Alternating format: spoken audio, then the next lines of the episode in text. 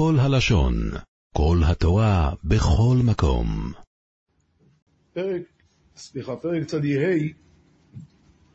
לכו נרננה להשם, מדבר אל בני ישראל.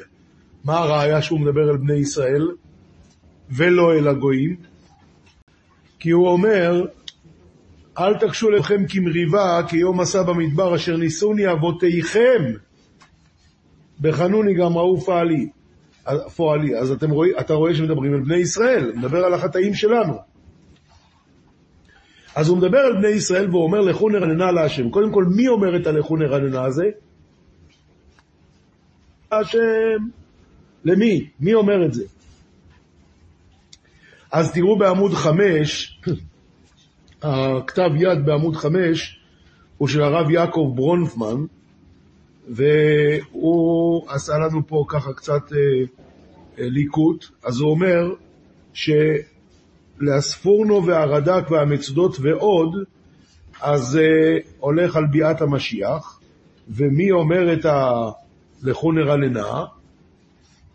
מזרז להקדים את קבלתה, את קבלת השבת. אבל אחרים מסבירים שהכוונה שמזרזים אחד את השני, לכו נרננה להשם, בואו נת, נבוא אליו, כי הוא עכשיו בא המשיח והגאולה, אז צריך, מזרזים אחד את השני. לכו נרננה להשם נריע לצור אישנו, נקדמה פניו בתודה, בזמירות נריע לו. כי אל גדול השם ומלך גדול כל אלוהים, אשר בידו מחקרי ארץ. מה זה מחקרי ארץ? אומר המצודות דוד, אתם רואים את המצודות? אומר המצודות דוד, מחקרי ארץ, דברים הנעלמים בארץ, אשר יחדעת להבינם. אז מה זה מחקרי ארץ? מה שאנחנו קוראים לזה היום, חקירות כאלה. מה יש מתחת וזה, וזה הכל בידיים שלו. ותועפות הרים לו, מה זה תועפות? גובהי ההרים הימלו. רש"י אומר, תועפות לשון כעוף המעופף. אשר לא הים והוא עשהו, ויבשת ידיו יצרו. וכאן אנחנו נתקעים בבעיה. מה הבעיה? אמ, אולי אתם זוכרים פסוק שאומר בדבר השם שמיים נעשו וברוח פיו אה, אתם זוכרים את הפסוק הזה. אז זה בדברם או בידיו? דבר. דבר. אז למה הוא אומר פה, ו... אשר לא הים והוא עשהו, ויבשת ידיו יצרו. איזה ידיו? הרי אתה אומר מדבר השם שם, מי אומר דבר? איפה זה כתוב בפסוק הזה?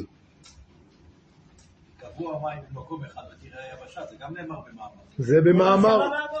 מי אומר את הפסוק בדבר השם שמיים נעשו? מי אומר את הפסוק הזה? שתהיו לי באים עד 120. תסתכלו בפרק קג.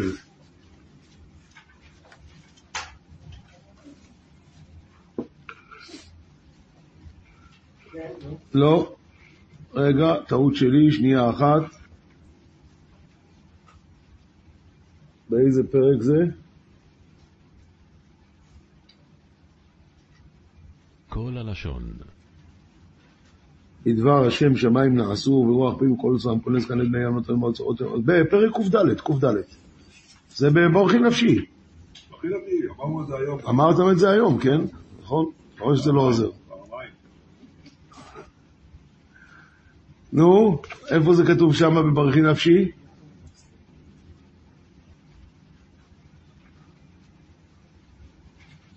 לא, זה לא שם. לא שם? ל"ד אולי, ל"ד, ל"ד.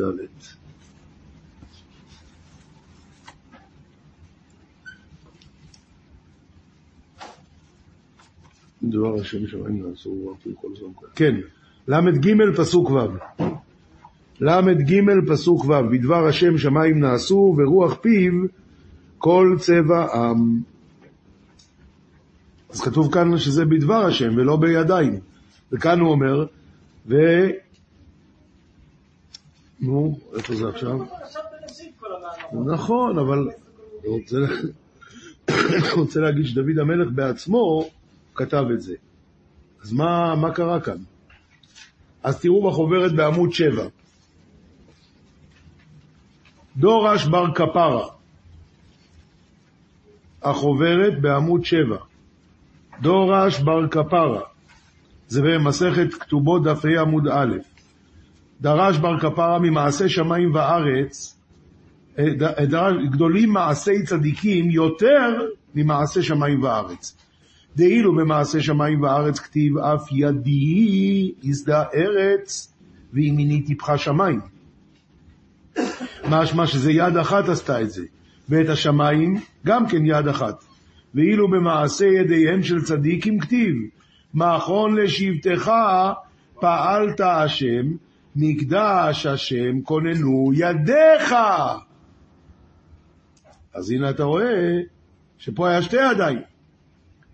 נו, אז מה הקשר? אבל למה זה נקרא מעשה צדיקים? למה בית המקדש זה נקרא מעשה הצדיקים? אומר רש"י, גדולים מעשי הצדיקים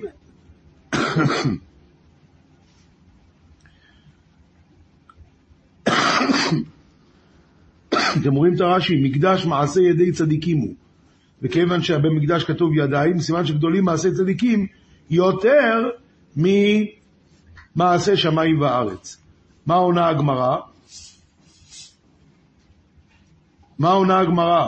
השיב בבלי אחד ורבי חייא שמו, ויבשת ידיו יצרו. אז אתה רואה שגם את היבשת זה שתי ידיים. עונה הגמרא, ידו כתיב. שואלת הגמרא, והכתיב יצרו, ידיו יצרו, מה תגיד עכשיו? יצר כתיב, לא, כתוב יצרו. אמר רב נחמן בר יצחוק, יצרו אצבעותיו. כדכתיב כי ירא שמך מעשה אצבעותיך, ירח וכוכבים אשר כוננת. אבל אצלנו אין ידו כתיב, יש ידיו. אז זה הבעיה, אז אצלנו כתוב ידיו. אבל הבעיה מתחילה בזה שהגמרא שואלת פה יד, פה ידיים. ופה, ואצלנו, אנחנו שואלים בכלל, הרי כתוב אה, אה, בדבר השם שמיים נעשו. אז כדי להסביר את הגמרא שם, כדאי לראות את המהרשו בעמוד 8. המהרשו נמצא בכתובות דף ה'. אומר המהרשו, לפני כן הוא מסביר מה זה אותיות בהם שמיים וארץ. אז הוא אומר שהשם של הקדוש ברוך הוא הוא לא מילה, הוא אותיות. ככה אמר המהרשו, זה כנראה דברים שעל פי סוד, אני לא יודע בדיוק מה הכוונה, אבל זה לא מילה, זה אותיות. ולכן גם כתוב גדולה נקמה שניתנה בין שתי אותיות, שנאמר אל נקמות השם. אבל זה לא אותיות, זה מילים. אתה רואה שהשם של הקדוש ברוך הוא זה אותיות. בצלאל ידע לצרף אותיות שנבראו בהם שמיים וארץ. מה הכוונה? אתה אומר צירופים, אבל המהרשו מסביר שהשמות של הקדוש ברוך הוא זה נקרא אותיות. ויש שם שהוא כולו רחמים וחסד, ויש שם שהוא דין. ולכן, ימיני, תראו עכשיו את המהרשו בעמוד 8, בשורה נניח ה-12-13, שורה שמתחילה במילה ומצד שמאל. יש לכם? כן. יופי. אז עוד שורה אחת קודם, מצד ימין ומצד שמאל, שהם הרחמים והדין, שעל כן נכתב מקדש בין שתי שמות, אחד מימין ואחד משמאל, מה שאין כן במעשה בראשית, דלא צירף שתי השמות בהם, אלא במעשה ארץ כתיב ידי יסדה, ארץ בלכוד, ובמעשה שמיים היה הימין לחוד, כדכתיב ימיני טיפחה שמיים. והוא מטבע הבריאה, כי מן השמיים הרחמים הוא בניינו של עולם, וההפך מן הארץ, עולם הפסד ההוויה. אבל הצדיקים במעשיהם היו מצרפים מידת הדין והגבורה אל הרחמים, והחיים, אשר בגבורתו יתעלה, מביא חיים לעולם. אשר על זה נתייסדה הברכה של אתה גיבור לעולם השם מחיי מתים, הפך טבע הגבורה של אדם שממית החיים. אבל הקדוש ברוך הוא מצרף את הרחמים ומחיה את המתים. יוצא אם כן רבותיי, שכשאומרים לך ימין ושמאל לא מתכוונים יד ימין ויד שמאל, אלא מה מתכוונים? המידות, דין ורחמים. אז ממילא באמת בדבר השם שמיים נעשו. ומה שכתוב ידיו, זה לא הכוונה ידיו, אלא בדבר השם, רק פה זה בדבר אה, רחמים, ופה זה בדבר אה, דין, זה הכל. אז זה התירוץ הפשוט, לא הפשוט, אבל היחיד שמצאתי. פסוק הבא, אומר דוד המלך, פרק קה, פסוק... אה, איפה אנחנו? בצד ה', למה אני בקה? לא יודע. צד ה', פסוק... לא לו. לא מעניין. לא מעניין. כי העיקר שהסברנו כבר שזה לא ידיו, אלא ידיו זה מידות. אז מה זה משנה אם זה ידו כתיב או ידו? כי הוא אומר שידיו זה שתי מידות, וידו זה מידה אחת. אז זה מידה אחת או שתי מידות? זו השאלה. הלאה. פסוק ו' בואו נשתחווה ונכרעה, נברכה לפני השם עושנו. וכאן יש לנו בעיה נוספת. מה זה נוספת? כאילו, חוץ ממה שדיברנו מקודם. הבעיה הנוספת היא, רבותיי, מה זה השתחוויה? מה זה?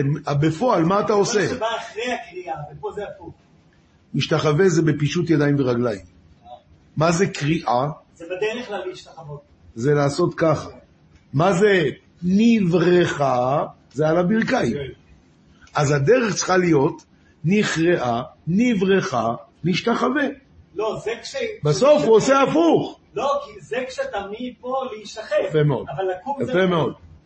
אז קודם כל, אני לא יודע מאיפה, מונח לי בראש תירוץ, והיה מונח לי שזה רב חיים קניאבסקי, לא מצאתי שזה רב חיים קניאבסקי, וגם לא מצאתי את התירוץ בשום מקום. אבל מונח לי שיש על זה תירוץ, שמה הכוונה? בפרק שירו, מי אומר את הפסוק הזה? הכלב. הכלב אומר, בואו נשתחווה ונכרעה לברכה לפני השם עושינו. עכשיו, הכלב אומר את זה, למי הוא אומר את זה? התשובה היא לכל בעלי החיים. עכשיו, כל בעלי החיים יכולים לכרוע? כל בעלי החיים יכולים לרדת על הברכיים? יש כאלה שאין להם ברכיים. למשל דגים, אין להם ברכיים. אז הכלב פונה קודם כל אל הצד המשותף של כולם. הוא אומר, בואו נשתחווה. זה כולם יכולים, אז בואו נשתחווה. מה? שוכב. אחרי זה נכרעו. זה גם הוא יכול לעשות, גם דג יכול לעשות את זה, וכל בעלי החיים יכולים לעשות את זה. מה נשאר בסוף? נברכו, שזה לא כולם יכולים לעשות. לכן את זה הוא אמר בסוף. זה מה שמונח היה לי בראש, אבל לא מצאתי את זה עכשיו. מה כן מצאתי? הרב הירש, רב שמשון רפואל הירש, בעמוד אה, תשע, אומר תירוץ מאוד יפה במה שאתה אמרת. אומר הרב הירש, לא מדברים על בן אדם שעומד ועכשיו רוצה להשתחוות. אז באמת הדרך היא נכרעה, נברכה ונשתחווה. אבל לא, הוא מדבר על זה שאחרי שהשתחווינו, עדיין אנחנו נשארים תמיד כפופים לפני השם יתברך.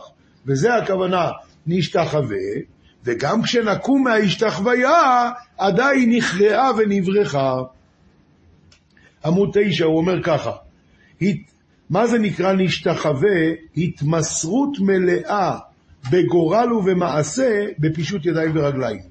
אולם בעוד שבדרך כלל קודמת הקריאה להשתחוויה, היא נזכרת כאן לאחריה, ומסמנת משום כך את הקימה שלאחר הנפילה. כי לפי מאמרם ז"ל, הכל בזכות השתחוויה. כך אומר הבראשית רבה, פרשה נ"ו. כל תפארת עושר וגדולה נקנית על ידי התמסרות גמורה. ואחר כך נאמר במדרש שם, אף המתים אינם חיים אלא בזכות השתחוויה, שנאמר, בואו נשתחווה ונכרעה.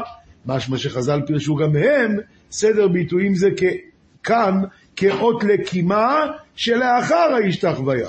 ואם כן, זה בא להגיד התמסרות מוחלטת אל השם, נשתחווה, ואפילו אחרי שנשתחווה, נמשיך להיות כל הזמן במצב של קריאה ו... ונברכה.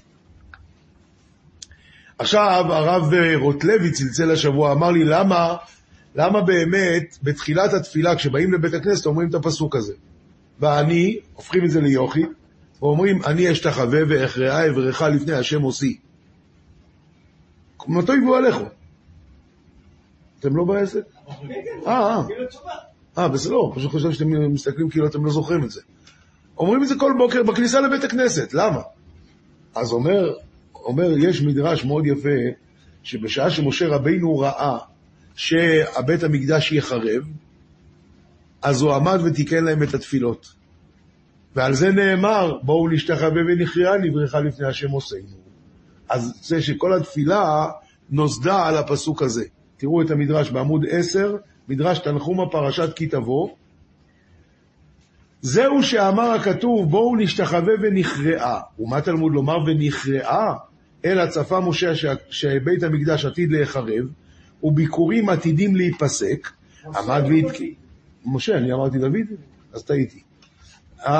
אז הוא, משה רבינו ראה שבית המקדש יחרב ולא יהיה ביקורים, עמד והתקין להם לישראל שיהיו מתפללים שלוש פעמים בכל יום, שחביבה תפילה לפני הקדוש ברוך הוא ממאה מעשים טובים.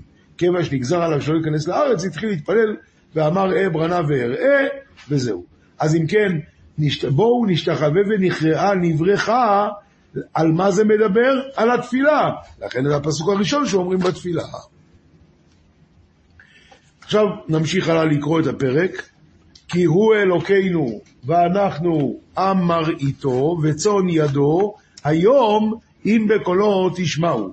אם אתם זוכרים כשלמדנו מזמור ק', אז שאלנו את הסתירה בין פה לבין, לבין אה, פרק ק'. מה כתוב בפרק ק'? מזמור לתודה הריעו להשם כל הארץ, עבדו את השם בשמחה, בואו לפניו ברננה, דעו כי השם הוא אלוקים הוא עשנו ולא אנחנו, עמו וצאן מרעיתו. מה כתוב פה? עם מרעיתו וצאן ידו. שם כתוב עמו וצאן מרעיתו, פה כתוב עם מרעיתו וצאן ידו. אז מה, מה, למה כאן הוא כותב ככה? אז הסברנו אז שיש צאן שאדם מחזיק עם רועה, ויש צאן שאדם מחזיק ב, בעצמו. את מה הוא מחזיק אצל עצמו? את אלה היותר שמנות וטובות, הוא רוצה שהן יהיו טובות, אז הוא שומר עליהן. הרועה אם ירביץ, ירביץ חזק. הבעל הבית אם ירביץ, ירביץ עם היד, לא ירביץ חזק עם המקל. נכון? זה ההבדל. שם כתוב, אנחנו עמו, וצאן מרעיתו, הוא נותן אותנו לרועה. אבל פה כתוב, עם מרעיתו וצאן ידו. אז למה פה זה באמת צאן ידו? התשובה היא כי אז, אם היום, היום אם בקולו תשמעו. אם היום אם בקולו תשמעו, אז זה יהיה צאן ידו, זה לא יהיה צאן מרעיתו. עם מרעיתו. אה? כן, העם זה הפשוטים, אבל צאן ידו זה משהו אחר. עכשיו, אה, מעניין מאוד, הרב רוטלוי בספר שלו מביא, תראו בעמוד 12, מדרש, אמר רבי לוי, אם משמרים ישראל את השבת כראוי, אפילו יום אחד, בן דוד בא. בגמרא אצלנו, מה כתוב בקי"ט בשבס? אם ישמעו את שתי שבתות. פה כתוב, אם ישמעו את השבת כראוי, אפילו יום אחד, בא דוד. למה? שהיא שקולה כנגד כל המצוות, וכן הוא אומר, כי הוא אלוקינו, ואנחנו עם מרעיתו, וצאן ידו, היום, מה זה היום אם בקולו תשמעו? אמר רבי יוחנן, אמר הקדוש ברוך הוא לישראל, אף על פי שנתתי קצבה לקץ, שיבוא בין עושים תשובה, בין שאין עושים תשובה בעונתה היא באה. בכל מקרה, בזמן, בעיתה, תבוא הגאולה. אבל אם עושים תשובה, אפילו יום אחד, אני מביא אותה שלא בעונתה. הווי היום אם בקולו תשמעו. אז לכן, אומר הרב רוטלוי, לכן מתאים מאוד שזה הפתיחה למזמורי קבלת שבת. למה? כי הרי אם נשמור את השבת, אז היום אם בקולו תשמע, הוא מבטיח שהוא יביא את הגאולה. אז לכן מסבירים את זה, לכן אומרים את זה, היום, רבו ישראל, היום, בואו, זה שבת עכשיו, נעשה את זה כמו שצריך ואנחנו נגלים.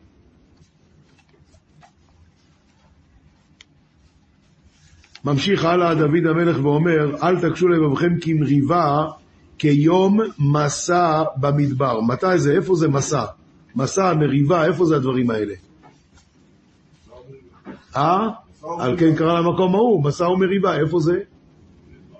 במראה? אז תראו בעמוד, אז תראו בעמוד 13, אומר האבן עזרא, אומר האבן עזרא, כיום מסע, אומר השתבשו המפרשים, כיום מסע הנכון בעיניי על ביאת המרגלים, והמריבה היא ניתנה ראש ונשוב, ונשובה מצרימה. זה האבן עזרא. הרד"ק אומר, מה זה כיום מסע? שם המקום נקרא מסע ומריבה על ריב בני ישראל, ועל נסותם את השם לאמור היש השם בקרבנו עם עין. האם אתם זוכרים איפה הם שאלו היש השם בקרבנו עם עין?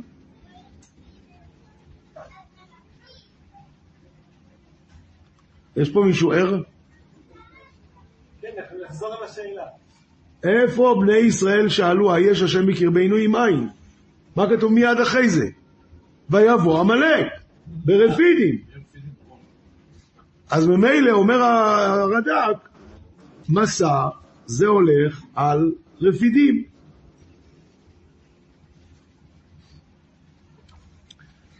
נמשיך הלאה. אל תקשו לדברים כאילו, כן? אשר ניסוני אבותיכם בחנוני גם אהופה לי. שאלה, איך אומרים, בחנוני או בחנוני? חנוני. אז הרב יעקב פסק שצריכים להגיד בחנוני. מאיפה אתה יודע? כי ככה אנחנו אומרים, זה מקור מצוין. באמת, מקור... אה? ככה טעמים. ככה הטעמים. עכשיו בואו נקרא רש"י. חינם. אז איך צריכים לקרוא? בחנוני. לא בחנוני. אם זה עניין שבחנו אותי, זה בחנוני. אבל אם זה עניין של חינם, אז זה בחנוני. זה לא מסתדר עם המנגינה לא מסתדר עם המנגינה ולא מסתדר עם מה שאתה רוצה. התירוץ היחיד שיש על, על המנגינה שלך ועל החזן שלך זה המצודות.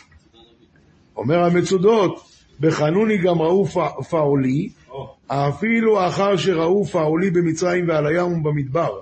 עם כל זה, לא האמינו בי וחזרו ובחנו אותי. אז באמת לפי המצודס, זה בחנוני. אבל לפי רש"י צריכים להגיד בחנוני. זה כתבתי לכם, זה שהם בחנו אותי, הם בחנו אותי בחינם, ללא סיבה. כי רש"י, הטעמים, אה, רש"י לא חולק על לא, הוא הטעמים. כן הוא הוא חולק על הטעמים ועוד איך, ואני אראה לך עוד מקומות. אבל הוא כותב. כשהוא אני אראה לך עוד כשהוא מקומות. חולק על הטעמים הוא כותב. לא נכון, לא נכון. לא. הוא בכלל לא מתחשב בטעמים. אה, אבל הרשע של הפסוק, אשר ניסוני.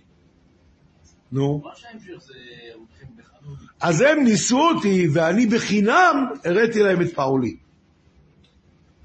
בחנוני גם. רש"י, רש"י. עכשיו אני מבין למה אשכנזים אומרים את ההתחלה ואת הסוף. למה? לא, את זה גם האשכנזים מנגנים. בטח.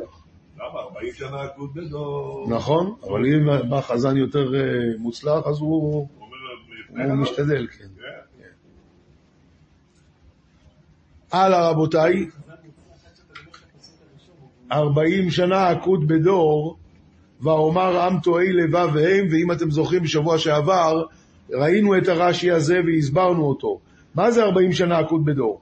אומר רש"י, קטתי בהם, רבתי עמהם, לשון הקטן נפשי בחיי, נלחמתי בם ארבעים שנה להמיתם במדבר, כי אמרתי, עם טועי לבב והם. אז אם ישאלו אותך במבחן, מתי קרה שהשם נלחם עם בני ישראל? הנה, נלחמתי בם 40 שנה. מה זאת אומרת? עכשיו יש כאן בעיה חדשה. נלחמתי איתם 40 שנה להמיתם במדבר?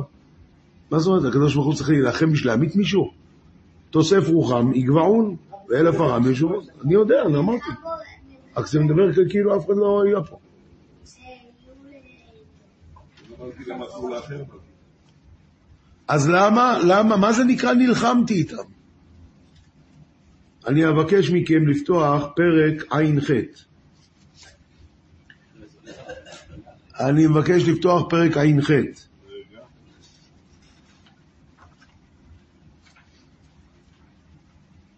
פרק ע"ח, פסוק אה, ל"ב.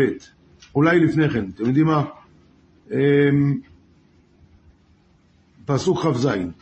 לא, פסוק כ"ה.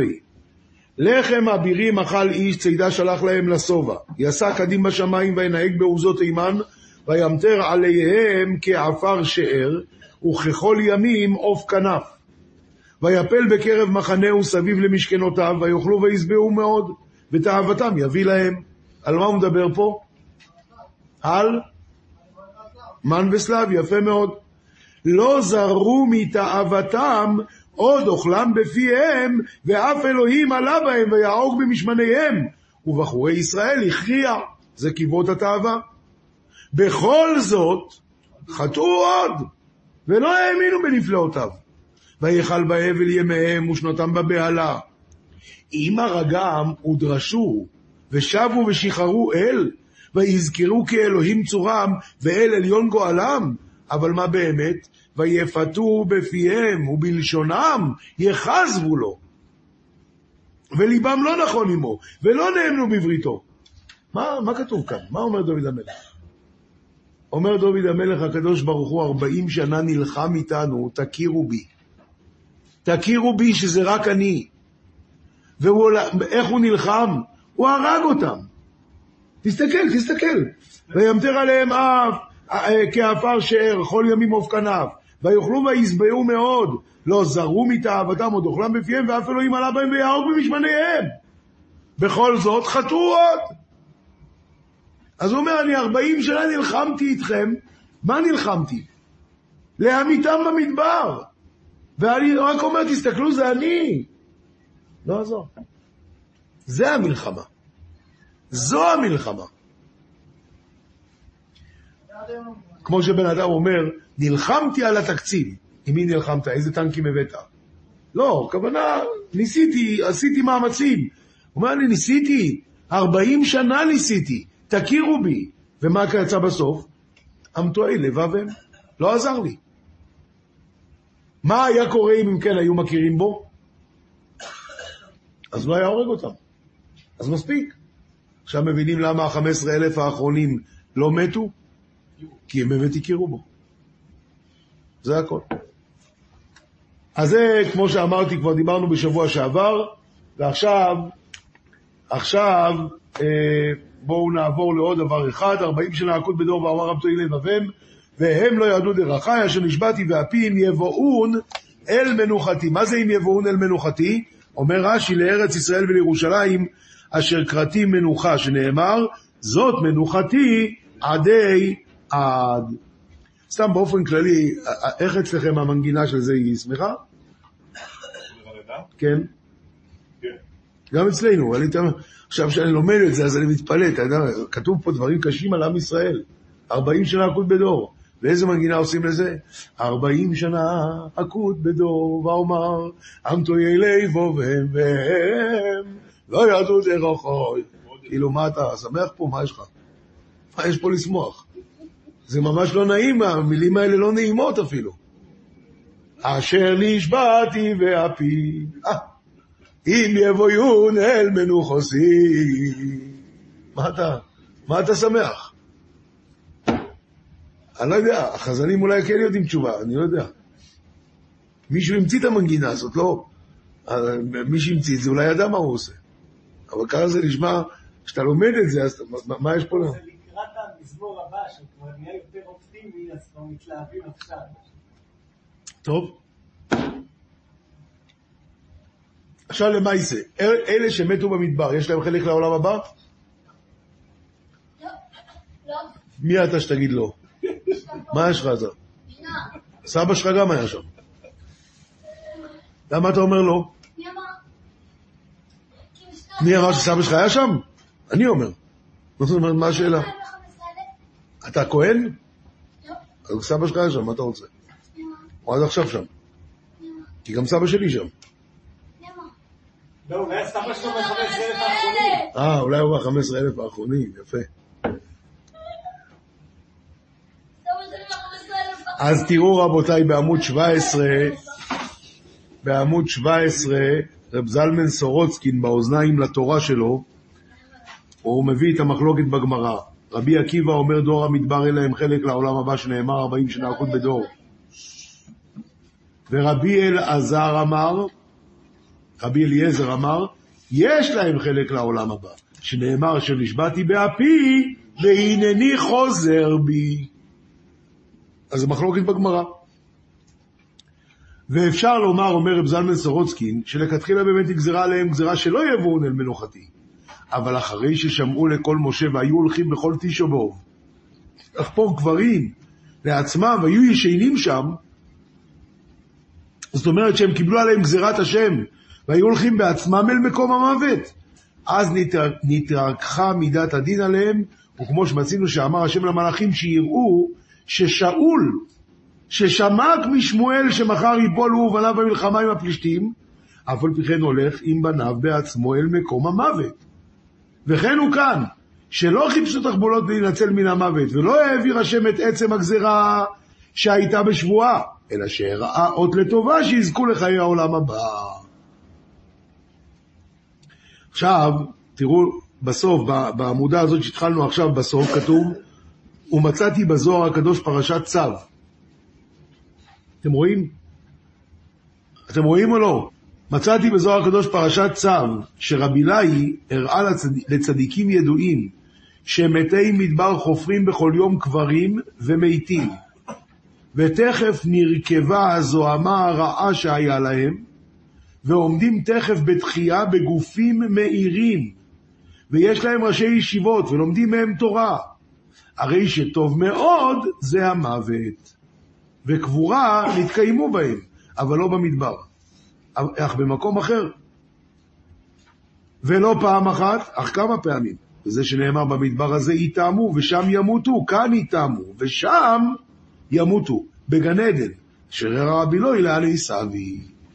בקיצור, הרעיון הוא שה... הדור המדבר כן יש להם חלק לעולם הבא. מסביר רב זלמן סורוצקין, למה? שהרי בסופו של דבר הם קיבלו על עצמם את הדין והלכו וחפרו לעצמם קברים, אם ככה מגיע להם חלק לעולם הבא, על זה שהם לא ניסו לברוח מהגזירה של הקדוש ברוך הוא. עכשיו, מה מה? האם הקדוש ברוך הוא יכול לחזור בו משבועה? אז כתוב בגמרא שהוא אמר לו, מה אני אעשה שנשבעתי? והחכמים אמרו לו, למה לא התרת לו? רב אבר בר חנה. אומר, אני שמעתי שהקדוש ברוך הוא אומר, אוי לי שנשבעתי, ועכשיו שנשבעתי מי מתיר לי? אז אמרו לו החכמים, אז למה לא התרת לו? כמו נ... שאפשר להתיר נדר. הוא בעצם פרופים בא להסביר את מחלוקת המקום ולבית, הוא לא בדיוק מסביר את המחלוקת. למה? הוא מסביר את הכל צד אחד. לא, אז מה רבי עקיבא אומר? רבי עקיבא סובר שבאמת מלכתחילה זו הייתה הגזרה. אלא שברגע שהם קיבלו על עצמם וחפרו לעצמם קברים כל פעם, אז בזה התבטלה הגזרה. עכשיו, לא התבטלה הגזרה... לא היה? לא, לא, גם הוא מסכים עם רבי מה עקיבא. הם חולקים? הם לא חולקים, זה מה שהוא אומר, שהם לא חולקים. תקרא מה שהוא כותב, שהם לא חולקים.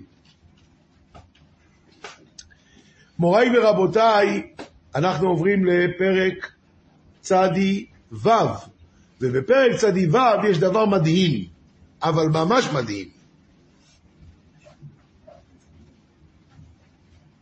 אומר פרק צדי ו', שירו להשם שיר חדש. שירו להשם כל הארץ. שירו להשם ברוך הוא שמו בסכום מיום ליום ישועתו סבור גיבותו בכל עמים תפילותו גדול השם מולנו נורא ועל כל אלוהים כי כל אלוהי עמים אלילים ועד יום השם עוד מעט אלף עליו וזוכר מקומו אבו לא שום מאיפה אני מקריא עכשיו? מאיפה אני מקריא עכשיו? כן? האם שלא הקשבתם? עוד פעם נקרא. שירו להשם שיר חדש, שירו להשם ברוך הוא שמו, בסרו ביום ליום ישועתו, ספרו בוגרים כבודו בכל העמים נפלאותיו, כי גדול השם ומולנו נורא על כל אלוהים, כי כל אלוהי עמים אלילים, והשם שמיים עשה, עוד בעד לפניו עוז וחדר... מה אני עושה? לוקי דה זמרה, איפה? הוידו! אז איך קבלת שבת הגיע להוידו?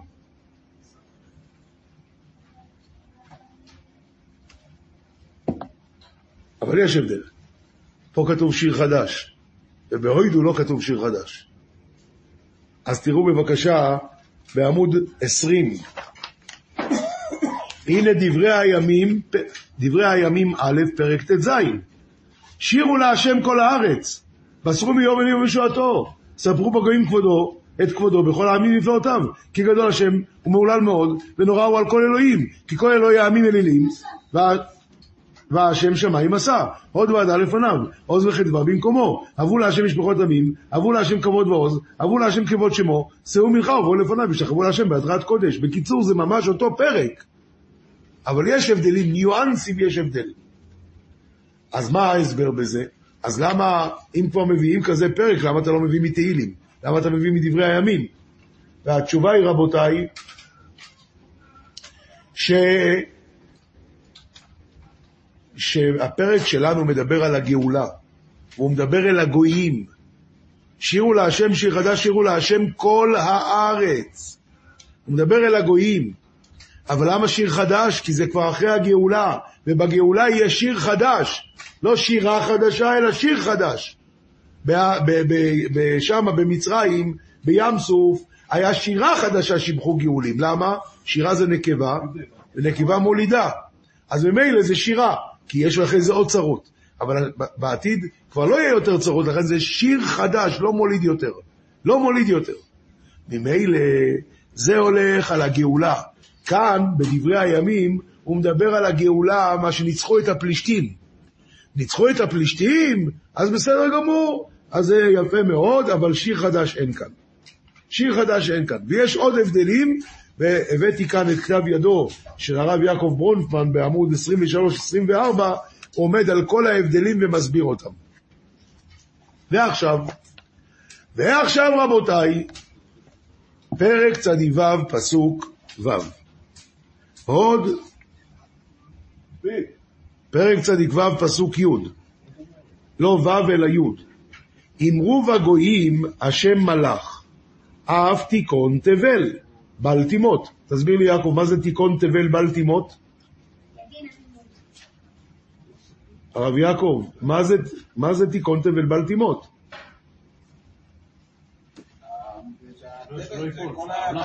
העולם לא ייפול, אלא יעמוד על מכונו. תיכון תבל, בל תימות. וידין ימים במישרים. עכשיו בבקשה תפתחו צדיק ג' פסוק א',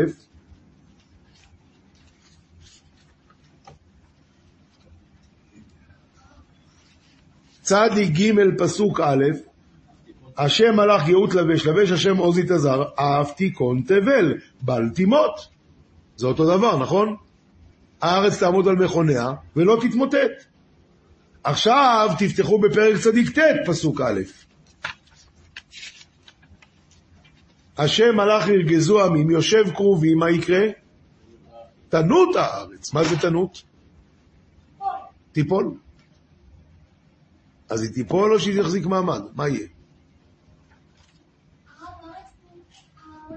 עוד מקום, רגע אחד, פרק מ"ו, פסוק ג'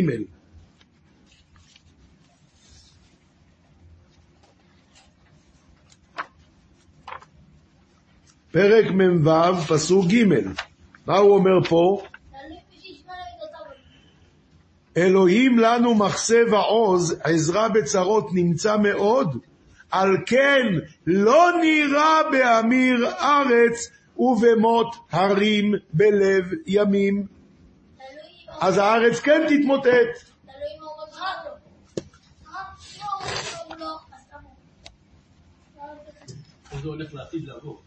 נכון, הכל הולך על עתיד לבוא. כל הפרקים האלה.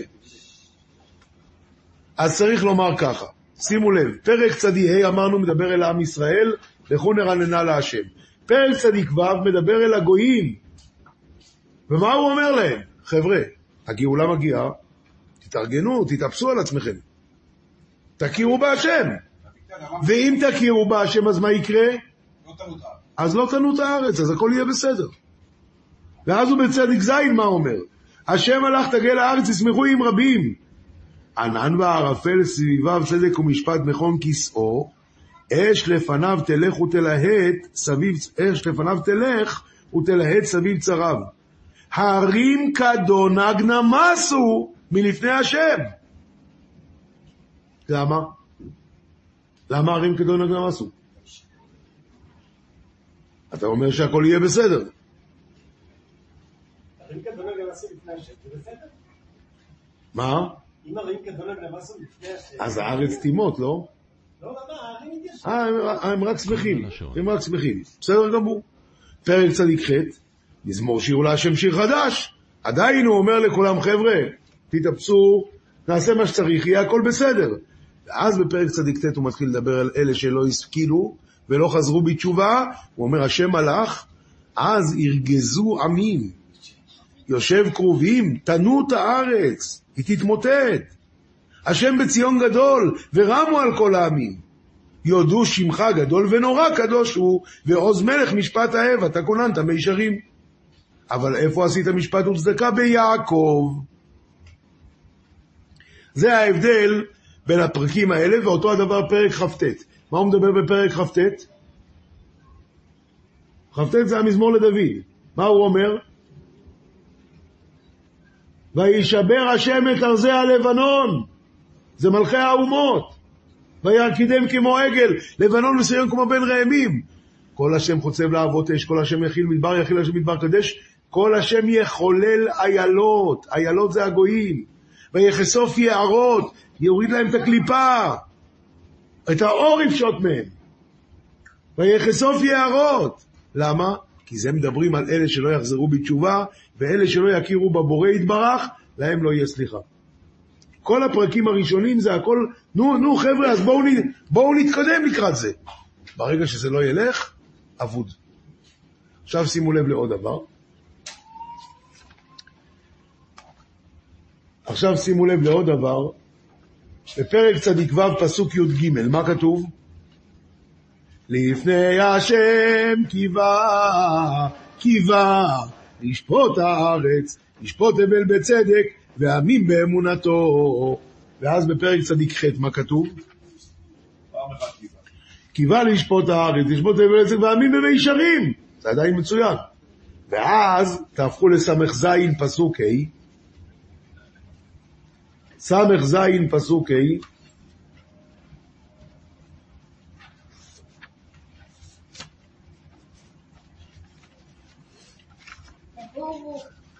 ישמחו ורננו לאומים, כי תשפוט עמי מישור, ולאומים בארץ תנחם סלע. ועל זה באמת יודוך עמים אלוהים, יודוך עמים כולם. אז הכל טוב, בינתיים הכל טוב. אז מה קרה בסוף? תראו בבקשה פרק ט', פסוק ט'. בפרק ט', פסוק ט', אומר רש"י, מה זה הוא ישפוט תבל בצדק ידין לאומים במישרים? אומרים את זה ביום, בראש שנה בפיוטים אצל האשכנזים. והוא ישפוט תבל בצדק לעמים במישרים. מה זה? אומר רש"י. יש לך רש"י על זה? לאומים, מה אמרתי? עמים? בסדר. והוא ישפוט תבל בצדק ולאומים לאומים במישרים. אומר רש"י ככה, עד בוא הקץ היה רגיל לשופטם ברחמים, לפי מישרים המצויים בהם, דן אותם בלילה כשהם ישנים מן העבירות. אז זה הכוונה, ישפוט אבל בצדק ועמים באמונתו, ישפוט אבל בצדק ועמים במישרים, הכל הולך טוב בינתיים, כי זה עד בוא הגאולה. אבל כשתבוא הגאולה, ומי שלא יחזור בתשובה, אז נגמר המשחקים. אז השם מלאך ירגזו עמים, יושב כרובים תנו את הארץ. השם בציון גדול, ורמו על כל העמים. למה? עכשיו זה נגמר המשחקים האלה. עכשיו ידין אותם על כל מה שהם עשו. אלא אם כן יהיה להם את השכל לחזור בתשובה לפני כן.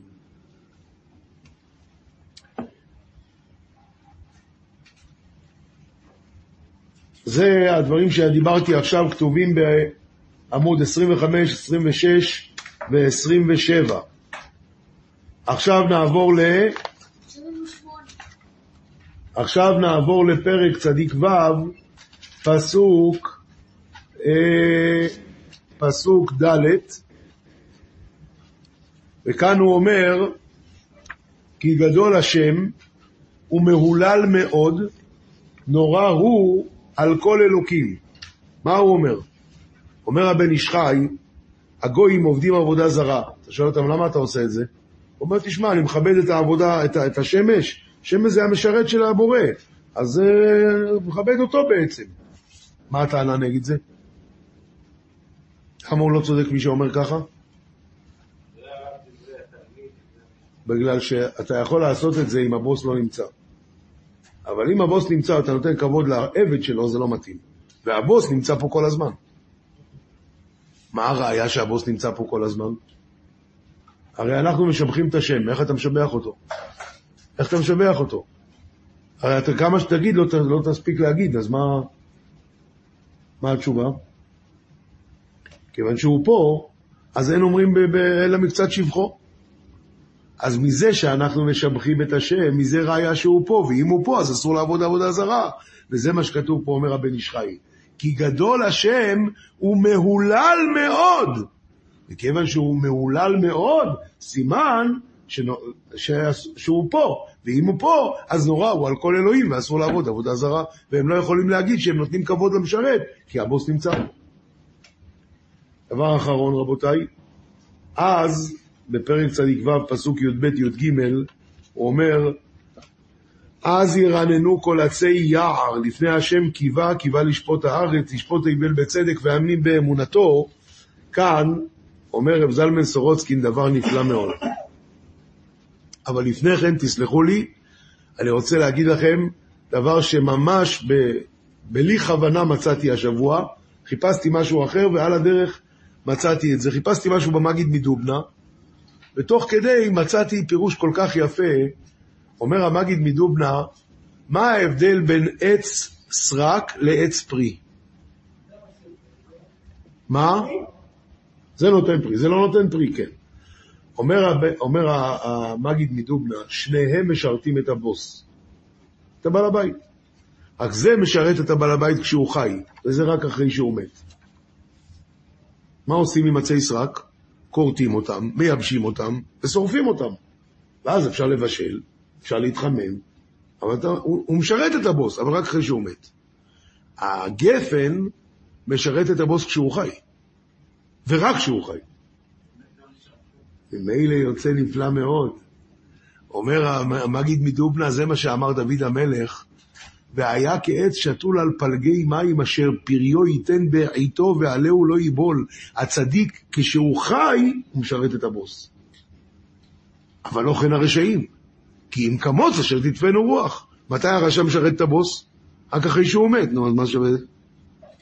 זה לא כן הרשעים, כי אם כמוץ אשר תדפנו רוח, שרק אחרי שהוא מת הוא משרת את הבוס. עכשיו נעבור לרב זלמן סורוסקין פה, אומר, אז ירננו כל עצי יער. למה? העצים שמחים לשרת כשהם עוד חיים, כשהם נותנים פירות. והרי כתוב שלעתיד לבוא עתידין עצי סרק, שיעשו פירות, לכן אז ירננו כל עצי יער. למה? כי הם יקנו פירות, ואז יהיה להם שמחה שהם יכולים לתת אה, גם בשעה שהם חיים ולא רק אחרי שהם מתים. ובזה סיימנו את... עולם שלם של תוכן מחכה לך בכל הלשון, 03 617 1111